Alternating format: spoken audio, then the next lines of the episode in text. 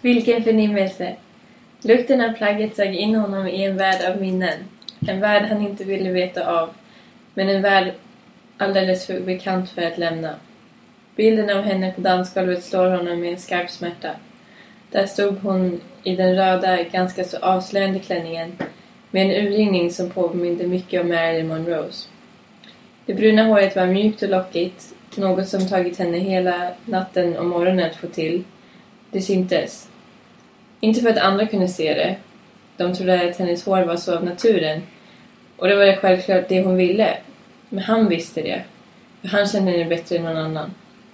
Han visste hon kämpade med curlers och spray och spray och hela kalaset. Han visste att hon alltid ville se perfekt ut. Och det gjorde hon. Hennes ögon var fulla av lust, hennes läppar röda som klänningen och hennes kinder lena som en badrumpa. Fötterna pryddes av ett par eleganta svarta klackskor, ganska låga. Hon hade omsorgsfullt valt dessa efter många om och men.